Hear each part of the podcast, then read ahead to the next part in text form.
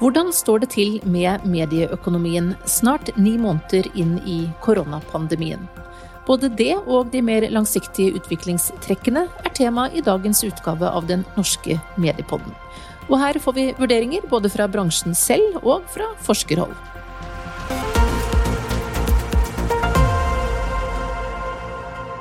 De store trendene i medieøkonomien er godt kjent. Fallende annonseinntekter, mens brukerinntektene blir en stadig viktigere inntektskilde for de fleste.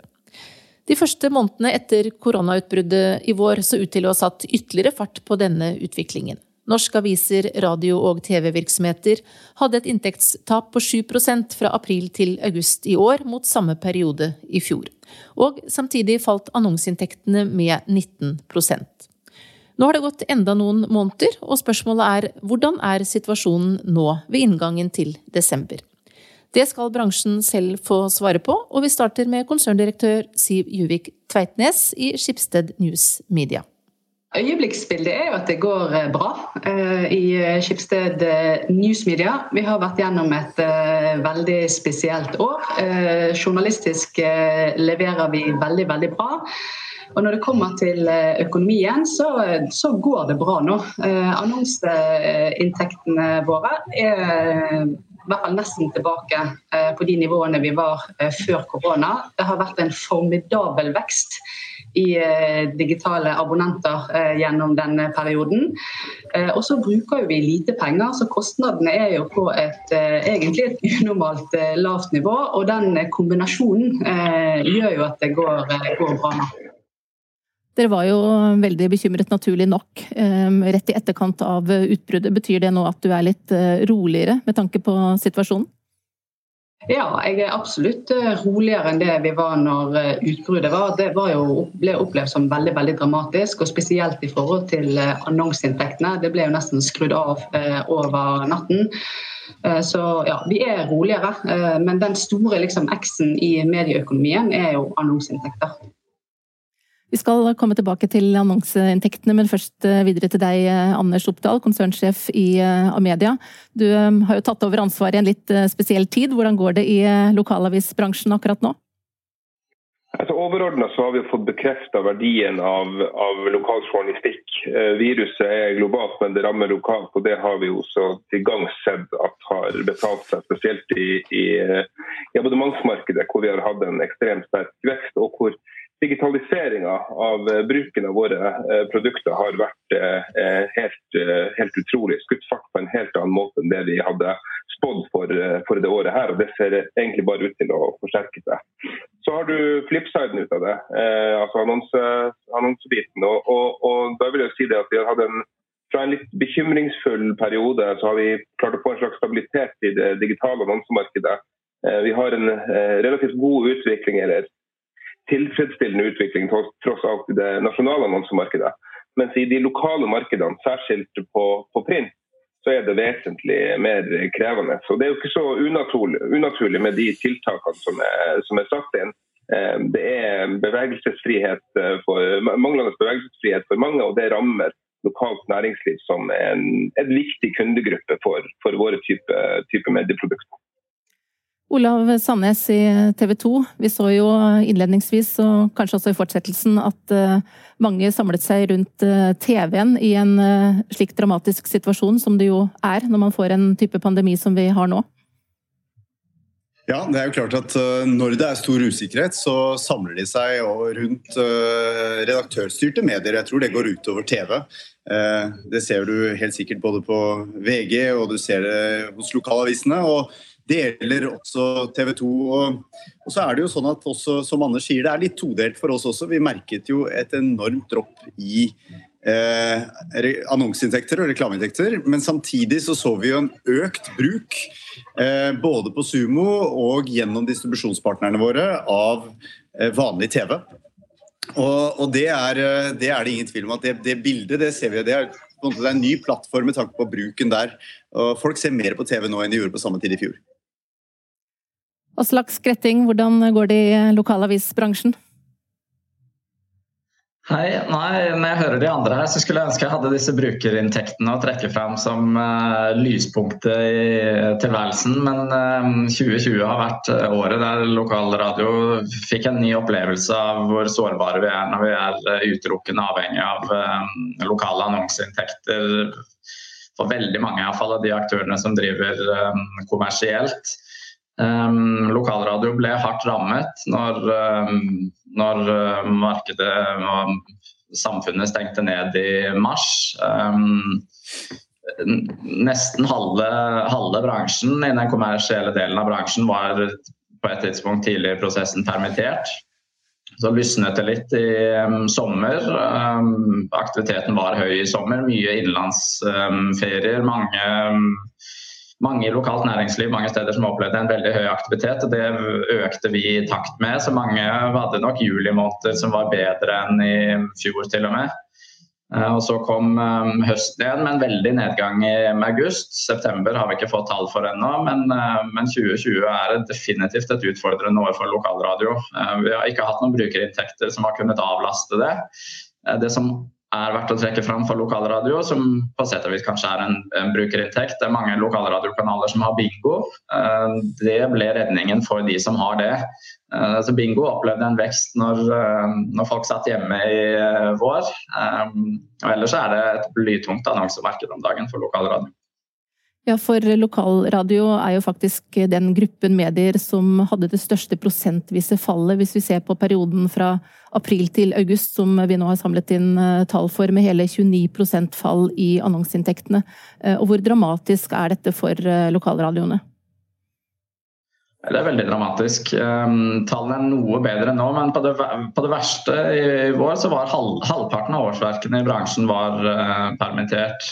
Jeg tror nok um, lokalradio var i en særklasse i det å måtte gå så hardt til um, kostnadskutt um, når vi så hvor sårbare vi var.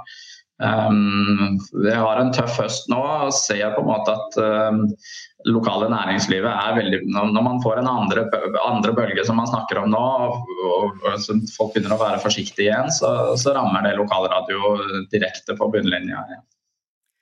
Anders Oppdal, 23 eh, annonsefall for lokalavisene da i den samme perioden, fra april til august. Og så um, er det jo flere av dere nå som har sagt at nå går det litt uh, bedre, men det var jo da et stort uh, fall i, i, deler av året her. Likevel så er det totale inntektsfallet mindre, og det tyder jo da på at dere har klart å kompensere annonsefallet med Eh, andre inntekter, antagelig da først og fremst eh, brukerinntekter. Ehm, så det ser jo da ut til at brukerinntektene her blir eh, stadig viktigere for lokalavisene. Ja, det er helt riktig det. Altså, hvis du skrur klokka tilbake en ja, åtte-ti år siden, kortere enn det for så vidt også, så var det jo slik at inntektsmiksen hos oss var 70% annonser og, og ca. 30% abonnementsinntekter.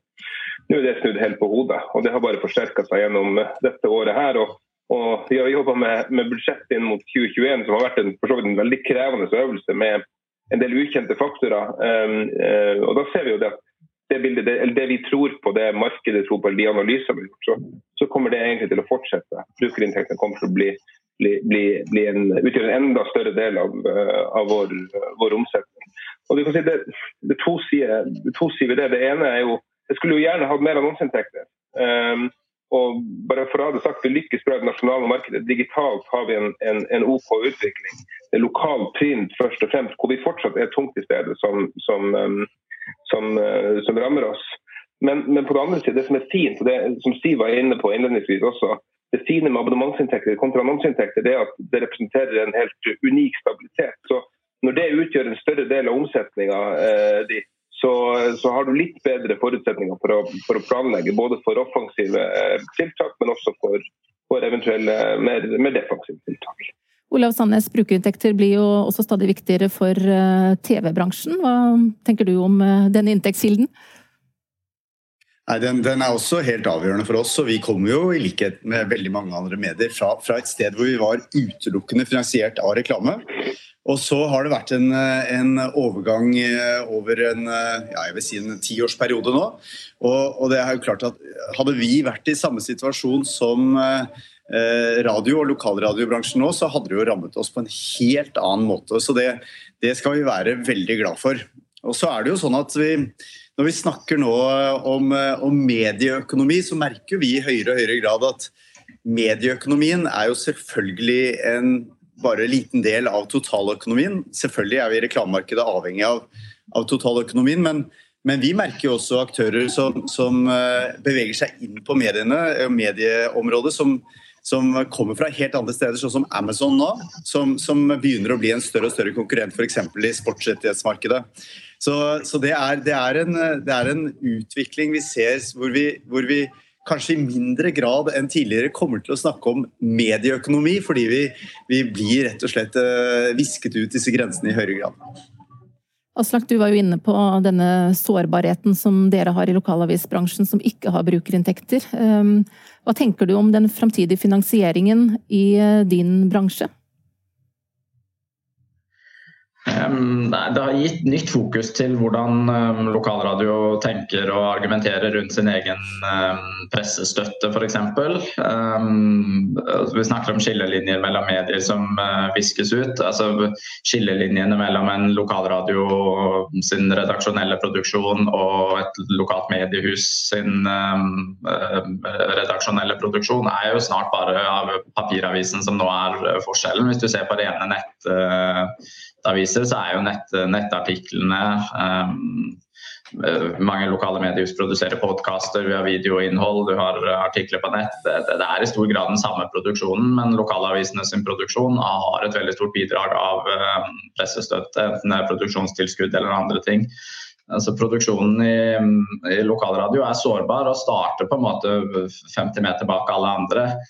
Um, så Vi tar veldig til orde for at må, når vi snakker om plattformnøytralitet i mediestøtten, så kan vi ikke bare snakke om uh, papir og nett som plattformnøytralitet. Da må man på en måte se på redaksjonell produksjon som det man skal støtte, uavhengig av medietype. Vi skal uh, komme litt tilbake igjen uh, til uh, det med offentlige og statlige tiltak. Men i forhold til annonsemarkedet, ser dere den samme utviklingen fortsatt nå i høst som var der da i, i vår og i sommer? Er det like dramatisk fortsatt? Vi hører jo at det er litt bedre fra avisenes side, og, og kanskje også fra nasjonal TV? Juli var som sagt mye bedre. August var blytung igjen. Det er siste måneden vi har um, skikkelige tall for. Vi opplever et tungt marked nå, men jeg syns um, organisasjonene landet rundt har vært imponerende flinke til å ruste seg for uh, et helt annet paradigme. Altså skulle operere med 30-40% lavere inntekter enn samme tid i fjor og opprettholde samme drift. Det krever mye av en organisasjon. Så um, det, det, er tøft nå, men uh, hvis vi klarer å få smitten til å gå ned igjen, så er vi på en måte svakt optimistiske. Men um, ja, første halvåret neste år, det er ingenting som tyder på at ikke det skal fortsette å være ganske tøft. Hvis vi ser på annonseutviklingen over tid, så tapte jo bransjen totalt sett uh, rett uh, under en halv milliard kroner i annonseinntekter i fjor, målt mot året før. Og beregninger tilsier at eh, de globale store aktørene som Google og Facebook samtidig økte sine annonseinntekter i det norske markedet med omtrent én milliard. Hva tror dere om eh, annonseutviklingen og forholdet mellom de eh, redaktørstyrte norske mediene opp mot disse globale kjempene, Siv Juvik Tveitnes? Nei, jeg, jeg, tror jo den trenden kommer til å, å fortsette. Sant? En enorm kraft i disse globale gigantene. Eh, men så tror jeg også vi som eh, eh sant? Nå har vi snakket om den balansen mellom brukerinntekter og eh, annonseinntekter. Eh, og For oss er dette et, eh, med den porteføljen vi har, sant? med både abonnementsmediehus og med VG, som er liksom en primær nyhetsdestinasjon, er den største nyhetssiten i Norge og fremdeles veldig annonsedrevet så er den balansen mellom disse inntektene eh, fortsatt veldig viktig for oss. Um, og vi har, jo tro på at, altså, vi har jo tro på at annonse fortsatt kommer til å være veldig viktig for oss og være en viktig del av finansieringen eh, av vår journalistikk. Men det er mer og mer krevende knyttet til de globale gigantene. De tar mer og mer plass i våre markeder. Hvordan eh, ser dette ut lokalt, Anders Oppdal? Så både lokalt og nasjonalt så er jo disse produktene og disse amerikanske gigantene som du sier, eh, sterkt til stede. Eh, de skiller dessverre ikke på geografi, så vi merker dem over hele, over hele fjøla. Eh, jeg tror også at det er en betydelig risiko for at trenden, trenden fortsetter. Og så tror jeg ikke det er helt upåvirkelig. både strukturmessig, samarbeidsmessig og på andre mulige vis, så er det mulig å drive utvikling og innovasjon og bruke de fortrinnene vi har som, som f.eks. norske publisister eller norske medier til å, til, å, til å, lage produkter som både er konkurransedyktige på, på, både pris og kvalitet og effekt. Og, og Der tenker jeg at vi fortsatt har en, en vei å gå, både hver for oss, men, men også bransjen eh, generelt. Så, så, selv om trenden er sterk og den er til stede, så tror jeg at det er fullt ut mulig å, å slå hardt tilbake. Tror dere at eh, pandemien og den utviklingen som vi har hatt nå gjør at digitaliseringen av norsk mediebransje skjer raskere enn den ellers ville gjort? Spørsmål til alle, egentlig? Ja, jeg kan godt begynne. Ja, jeg, tror jo bare det vi alle sier her, at dette er jo bare en, dette, det vi har vært gjennom dette året her, eh, har jo bare vært en akselerering av eh, den digitale transformasjonen for, eh, for oss alle. Eh, og Det ser vi på våre, våre produkter. I Schibsted har vi mange andre digitale tjenester. og Vi gjorde en sånn undersøkelse i det norske markedet rett før sommeren. og Da får vi svar på at eh, halvparten av eh, nordmenn har har eh, tatt i bruk ny teknologi og nye digitale tjenester eh, gjennom den perioden vi har vært i. Vi ser det på, på alle tjenestene våre. Sant? Fra avisene til morgenlevering, helt hjem, netthandel, Bokis hjemmelegene. Sant? En, en enormt sånn taktskifte i bruk av digitale tjenester. Og, og, det er jo, jeg vil jo si at det er en fordel for oss også. Det at vi endrer vaner til at vi blir mer digitale og skaper gode digitale brukervaner også for for avisene våre. Sant? Det er jo den veien dette kommer til å gå. Dette har liksom virkelig vært en, ja, en akselerasjon eh, for, å, for, å, bygge den digitale lønnsomheten som jeg tror vi, vi alle trenger. Olav fra TV-bransjens ståsted? Jo, men Det samme gjelder, samme gjelder jo hos oss. Altså det, vi, ja, om noe så har dere akselerert uh, utviklingen. og Vi ser jo også at, uh, at uh, folk ønsker å bruke det der de er, når de vil. Eh, og Det betyr at det må være digitale løsninger. Så, så det gjelder akkurat det samme også hos oss. Hva med papiravisen, eh, Anders Oppdal? Eh, dere har jo tatt ned frekvensen på en del av avisene deres de siste årene. Er vi nærmere en avvikling av papiravisen nå enn før korona, tror du? Jeg svarer på det er jo ja. På et eller annet tidspunkt så skal vi jo slutte å gi ut papiraviser. Spørsmålet er jo når som vi er nærmere, så er det jo lett å, lett å bekrefte det, Mari. Nei, eh, det er klart vi har, vi har eh, det her er en veldig, veldig, enkel matematikk. egentlig. Jo færre abonnenter du har, eh, desto færre har du å dele trykk- og distribusjonskostnader på. Så kan du eventuelt kompensere med andre, andre, andre inntekter på distribusjon f.eks. Men, men det skjer ikke en fart i hvert fall ikke foreløpig, som er tilstrekkelig til å kompensere for det. Så Til spørsmålet om f.eks. frekvensreduksjon, så er jo det fortsatt svært aktuelt hos oss. og Det kommer til å være aktuelt. Men det er ikke sånn at vi skal uh, løpe fra de verdiene som ligger i print fortsatt. Det er fortsatt slik at um, de tilpasningene vi har gjort på printområdet, både i forhold til produksjonsflyt og i forhold til, til, til uh, antall utgivelser, gjør, gjør dette til en, en viktig asset til å finansiere journalistikk i hele landet. Sånn at uh, Dette er noe vi må møte på en sensitiv og ansvarlig måte. og det er liksom noe Å spå sin egen død, det skal man være varsom, varsom med. Vi må bare forvalte det på en, på, en, på en, god måte. Og samtidig investere den, de positive effektene print skaper i, i, i fantastiske digitale produkter. Både på, i brukermarkedet og på, på annonsesiden. Siv, hva tenker Skipsted om eh, papirposisjonene? Nei, altså jeg, jeg, deler jo egentlig Anders sitt, uh, sitt, syn her. Det er jo fortsatt en uh, utrolig viktig inntektskilde for oss som er med å finansiere liksom den digitale overgangen her. Jeg pleier å si at Hvis du ser samlet på vår portefølje, så er jo 60% av inntektene knyttet til papirprodukter det med frekvensreduksjon det er ikke det som er høyest på vår eh, agenda her. Men noe av det vi ser på, er liksom geografier i forhold til hvor vi distribuerer eh, papiravisen. Så, så klart at Når vi sier at eh, det vi har vært gjennom nå akselererer den digitale transformasjonen, så påvirker jo det papiravisen på en, på en tilsvarende negativ måte. Men, men ja, en dag skal vi være uten papiraviser. Jeg tror ikke det skjer helt ennå. Det som er bare liksom interessant med papirproduktet VG, som fremdeles er en veldig stor økonomi for oss, der òg var det veldig i mars, sant? når vi gikk i lockdown, så klart at fallet på salg av papiravisen VG falt. Men det òg har jo kommet tilbake gjennom våren og sommeren og, og høsten. Så det har ikke hatt den dramatiske utviklingen som vi, som vi trodde når, her, ja, når det var de svarteste skyene over, over denne situasjonen. Det har jo skjedd ting i avismarkedet den siste tiden. Kjøp og salg av titler og oppstart av nye. Og sist ut, nå var jo dere i Amedia, Anders, med nyheten om en ny lokalavis i Oslo. Hva er oppskriften på å lykkes eh, med en eh, ny publikasjon i hovedstaden? Jeg vil si det at Oppskriften på å lykkes med en publikasjon i hovedstaden, den ser du i den, eh, i den utviklinga våre øvrige 79 aviser har, som gjennomgående er, er, er god. De vokser, vokser alle sammen. og vi har utvikla og utnyttet kunnskap eh, på tvers av media som vi kan ta ut i, i ulike markeder, enten i eksisterende titler eller steder hvor det finnes, eh, finnes behov for lokaljournalistikk. Og her, her er det jo det, litt, det er jo liksom å, å eh, springe, en, springe, med full fart inn en åpen dør. Altså det, er jo, det, er jo, slått fast at Oslo ikke har en, en lokalavis som, som, er vesentlig det er slått fast at eh, Oslo er en demokratisk eh, blindsone. Og da tenker vi at vi som eh, Norges ledende lokalaviskonsern er forplikta til å gjøre et forsøk på å gi Oslo, gi Oslo det produktet. Så, og det tror jeg vi kommer til å få til. Vi sitter med stor, stor kunnskap på dette området. Og så skjer ikke det over natta. Vi kommer til å bruke tid på det. Det kommer til å ta ta kanskje både måneder og år, år, før dette produktet fester seg. Men jeg tror at eh, Oslo-markedet Oslo er både interessant og det tror jeg vi kommer til å få det bekreftet. Men, men, det skjer ikke av seg selv. Og så antar jeg, Siv, at eh, Skipsstedet og Aftenposten ikke kommer til å sitte stille og se på at Amedia overtar eh, Oslo-posisjonen?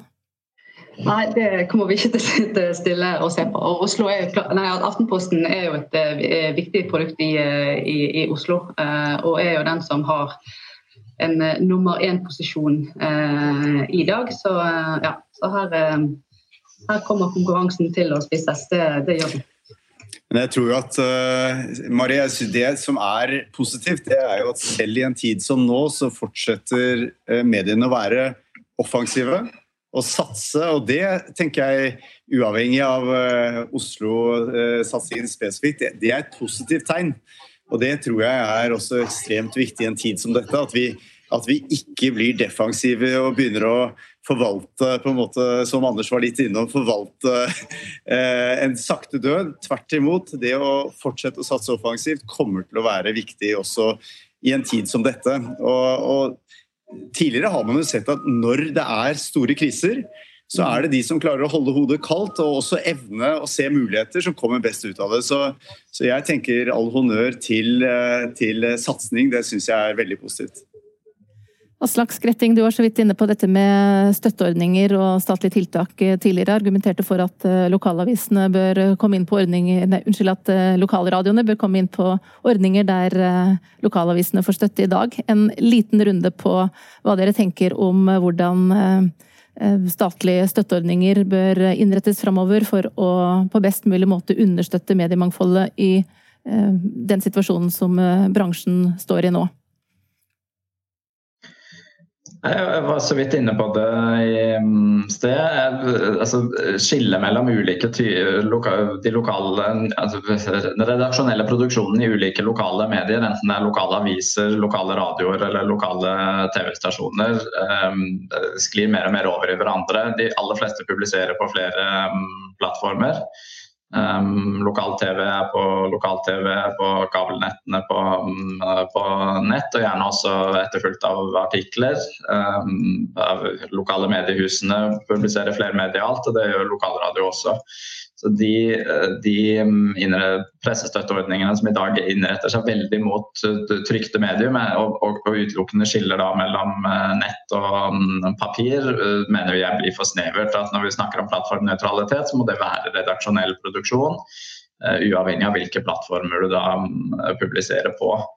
Um, de støtteordningene som er for lokalradio i dag, spesielt ordningen som er iverksatt rundt digitalisering, fungerer veldig bra på de målene man har satt for de, men den redaksjonelle støtten er, eh, har en gammel innretning som i liten grad i dag fungerer til å stimulere til dagsaktuell redaksjonell eh, produksjon hos um, lokalradio. Det er forhåndsdefinerte prosjekter som må gjøres klar lang tid i forveien og i liten grad fanger opp aktuell dagsjournalistikk i, med lokalradio. Så Der mener vi det er en jobb å gjøre med både innretningen og i tillegg til summene som gis, selvfølgelig.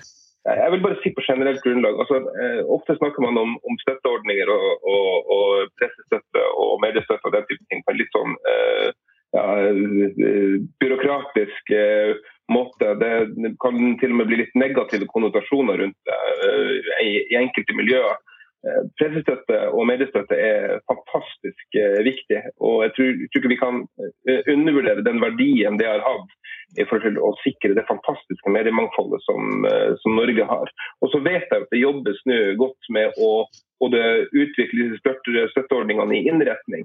Men jeg tror også det er viktig å ha fokus på omfang fremover. Vi står i en tid eh, pendelen, i pendelen mellom, mellom, Norge og Silicon Valley hvor eh, vi, vi jobber, med, jobber, for hver eneste krone for oppmerksomhet til hver eneste bruker.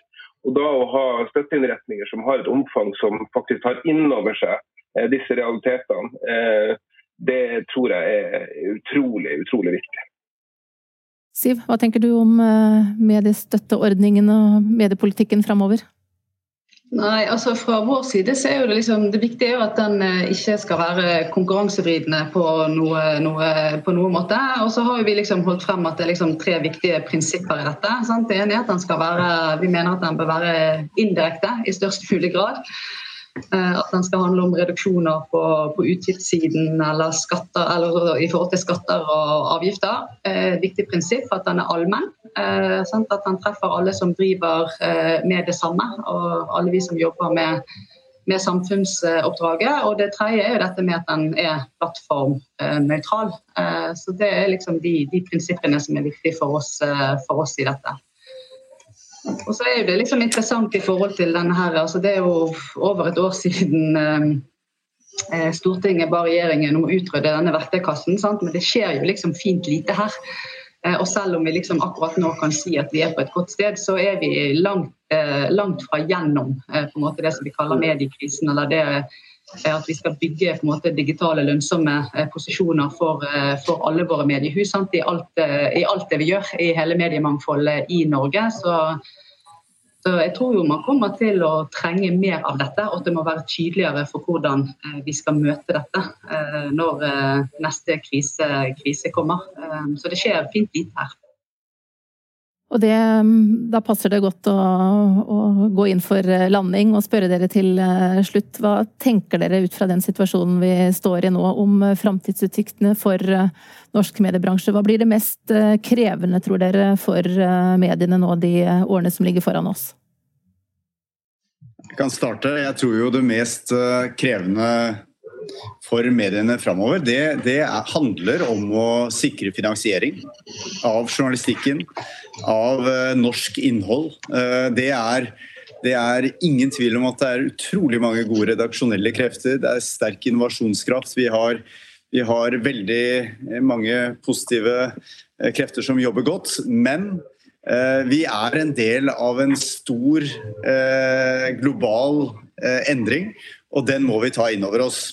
Og så tror jeg at i tillegg til det Siv sa rundt innretning på mediestøtten, så tror nok jeg også at en, en del av, av, en sånn støtte må handle om det å, å, støtte opp under innovasjon og opp under å få til denne store, store eh, endringen som vi mediene skal gjennom.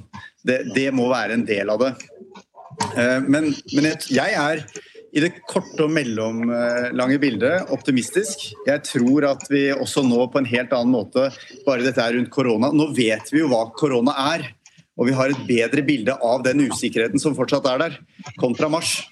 Det er en stor forskjell.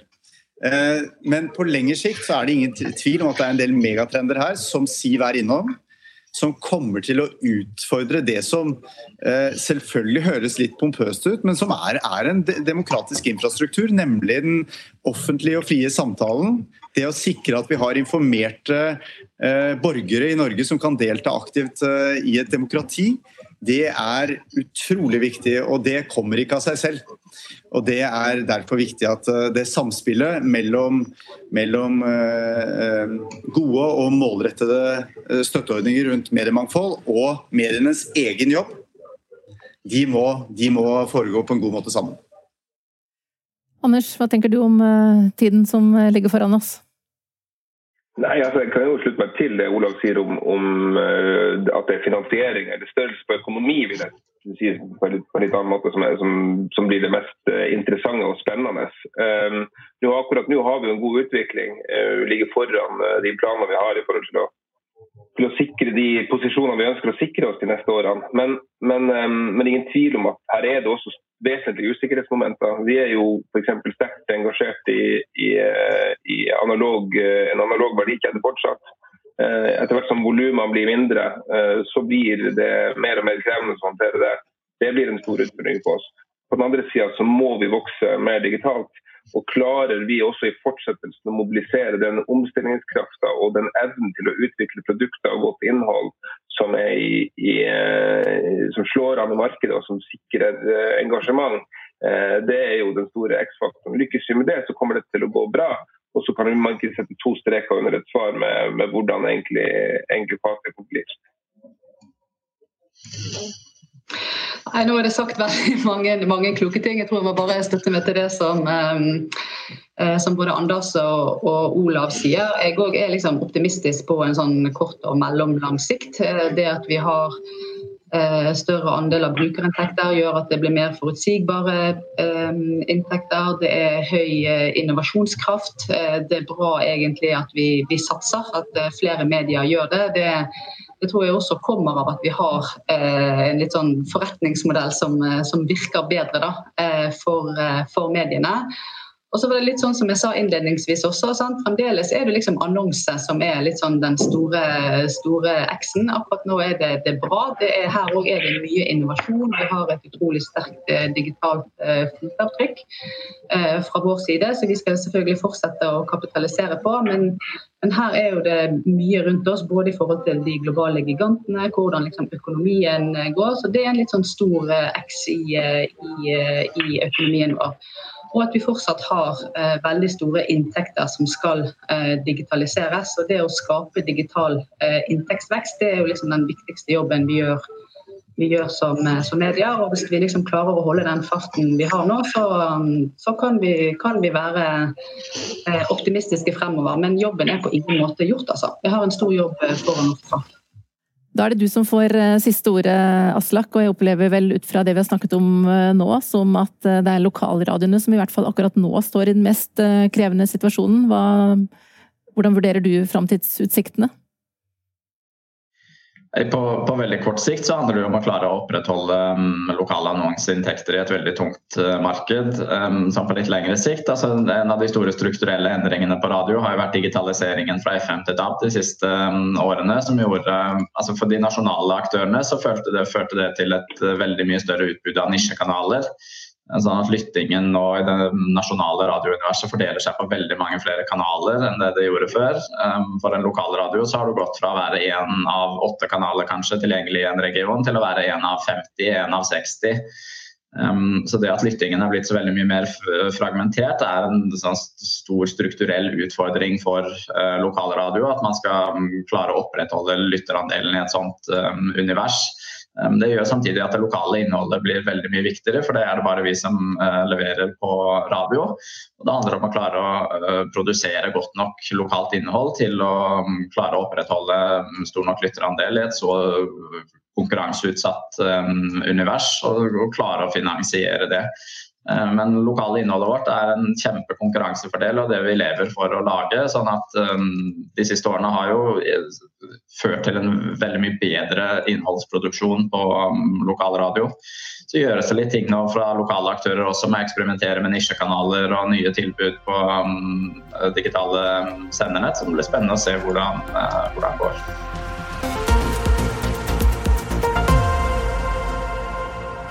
Tusen takk til dagens bransjepanel, og da skal vi få et forskerblikk på utviklingen. Jens Barland, du er dekan og medieforsker ved Høgskolen Kristiania. Og med bakgrunn i utviklingen både i fjor og første del av 2020, hva er din vurdering av mediebransjens økonomiske situasjon?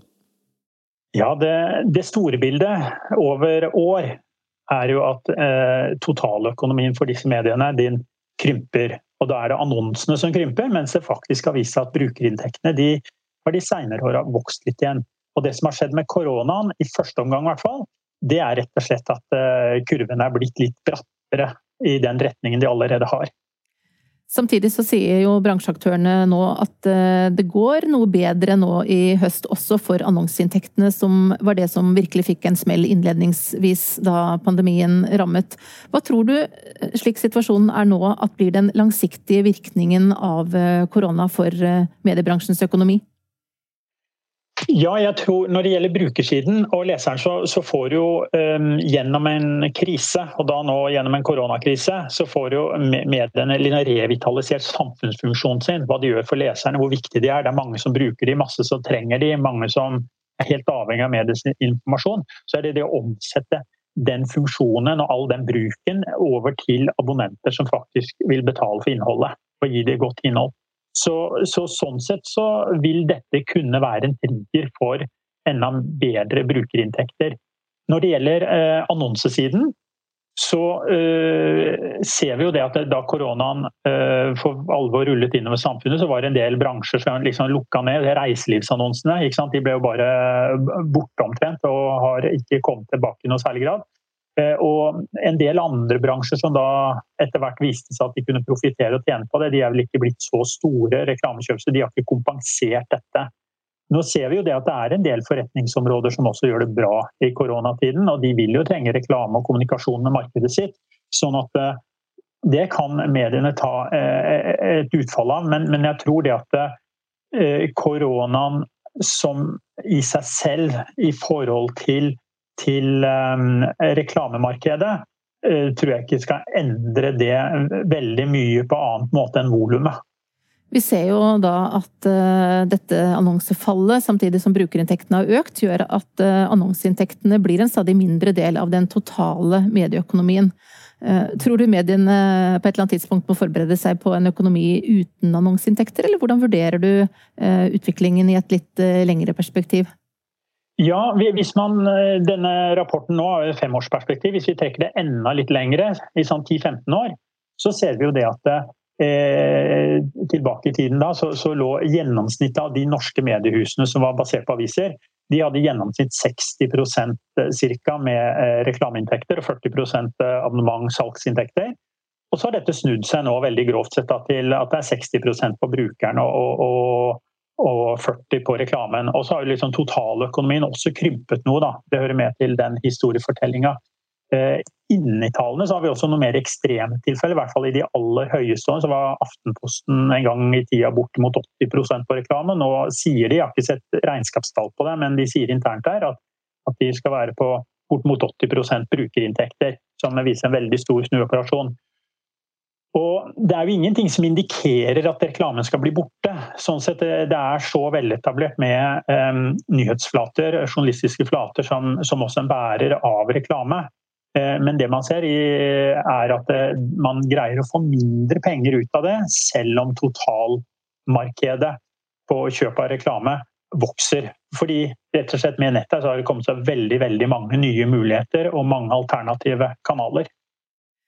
Du var inne på det tidligere at eh, under pandemien så har vi sett en økt oppslutning om de redaktørstyrte eh, mediene. Tror du dette kommer til å holde seg, og hva kreves av mediene nå for å holde på nye abonnenter og den oppslutningen som de har?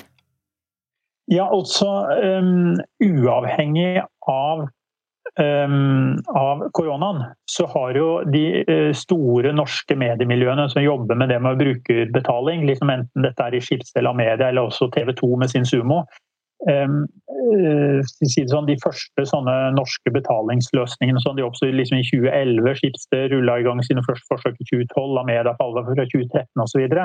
Gjennom disse 6-7-8-9 årene nå, så har man etter hvert begynt å få ganske mye erfaring. Og man har utvikla dette, forandra dette, tatt nye strategier, lært bedre og bedre og bedre hvordan man gjør dette. Så jeg har jo en forventning om at øh, når man ser denne økte kunnskapen og nye innovasjoner som stadig bygger på nye innovasjoner på dette feltet, øh, gjør at man er kompetansemessig veldig godt rustet til å sånn sett ta vare på den muligheten man har nå med høy lesing og, og, og, få en god del av de om til å bli betalende abonnenter. Brukerinntektene blir jo da stadig viktigere for avisene, også for eh, de kommersielle TV-kanalene, mens eh, radioen de har jo ikke denne type inntekter. Og det er jo også at de blir ekstra sårbare for fall i annonsemarkedet. Eh, hvordan skal radioen sørge for finansiering framover?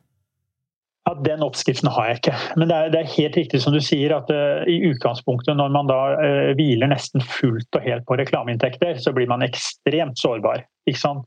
Til forskjell fra de andre mediehusene hvor man har uh, på en måte to, to inntektsstrømmer. Og om den ene svikter noe, så, så kan du utvikle den andre. Nei, jeg, jeg, har ikke noe svar til radioen. Jeg bare registrerer at de har vært veldig mer utsatt. Men det vi også har sett, da, som kanskje kan være de kommersielle jeg vet ikke om det er så mye muligheter, men, eh, men eh, det er i hvert fall de, de, store riksdekkene har gjerne vært utsatt for tøffest konkurranse fra de globale gigantene. Så det er liksom noen lokale lommer, det er liksom det å være veldig nisjetjeneste, veldig spesiell, unik og sånt, da, som har vist seg å gjøre deg litt mer robust i den ganske tøffe konkurransen.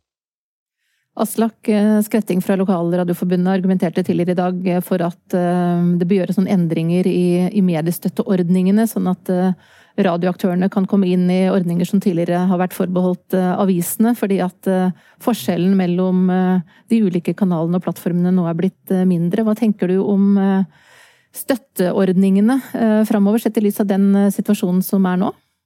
Ja, det, med støtteordningene er jo sånn at Hvis vi ser f.eks.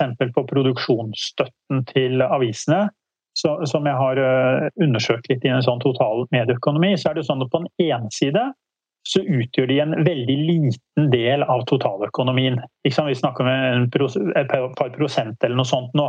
Men på en annen side så betyr den så veldig mye for de mange som får.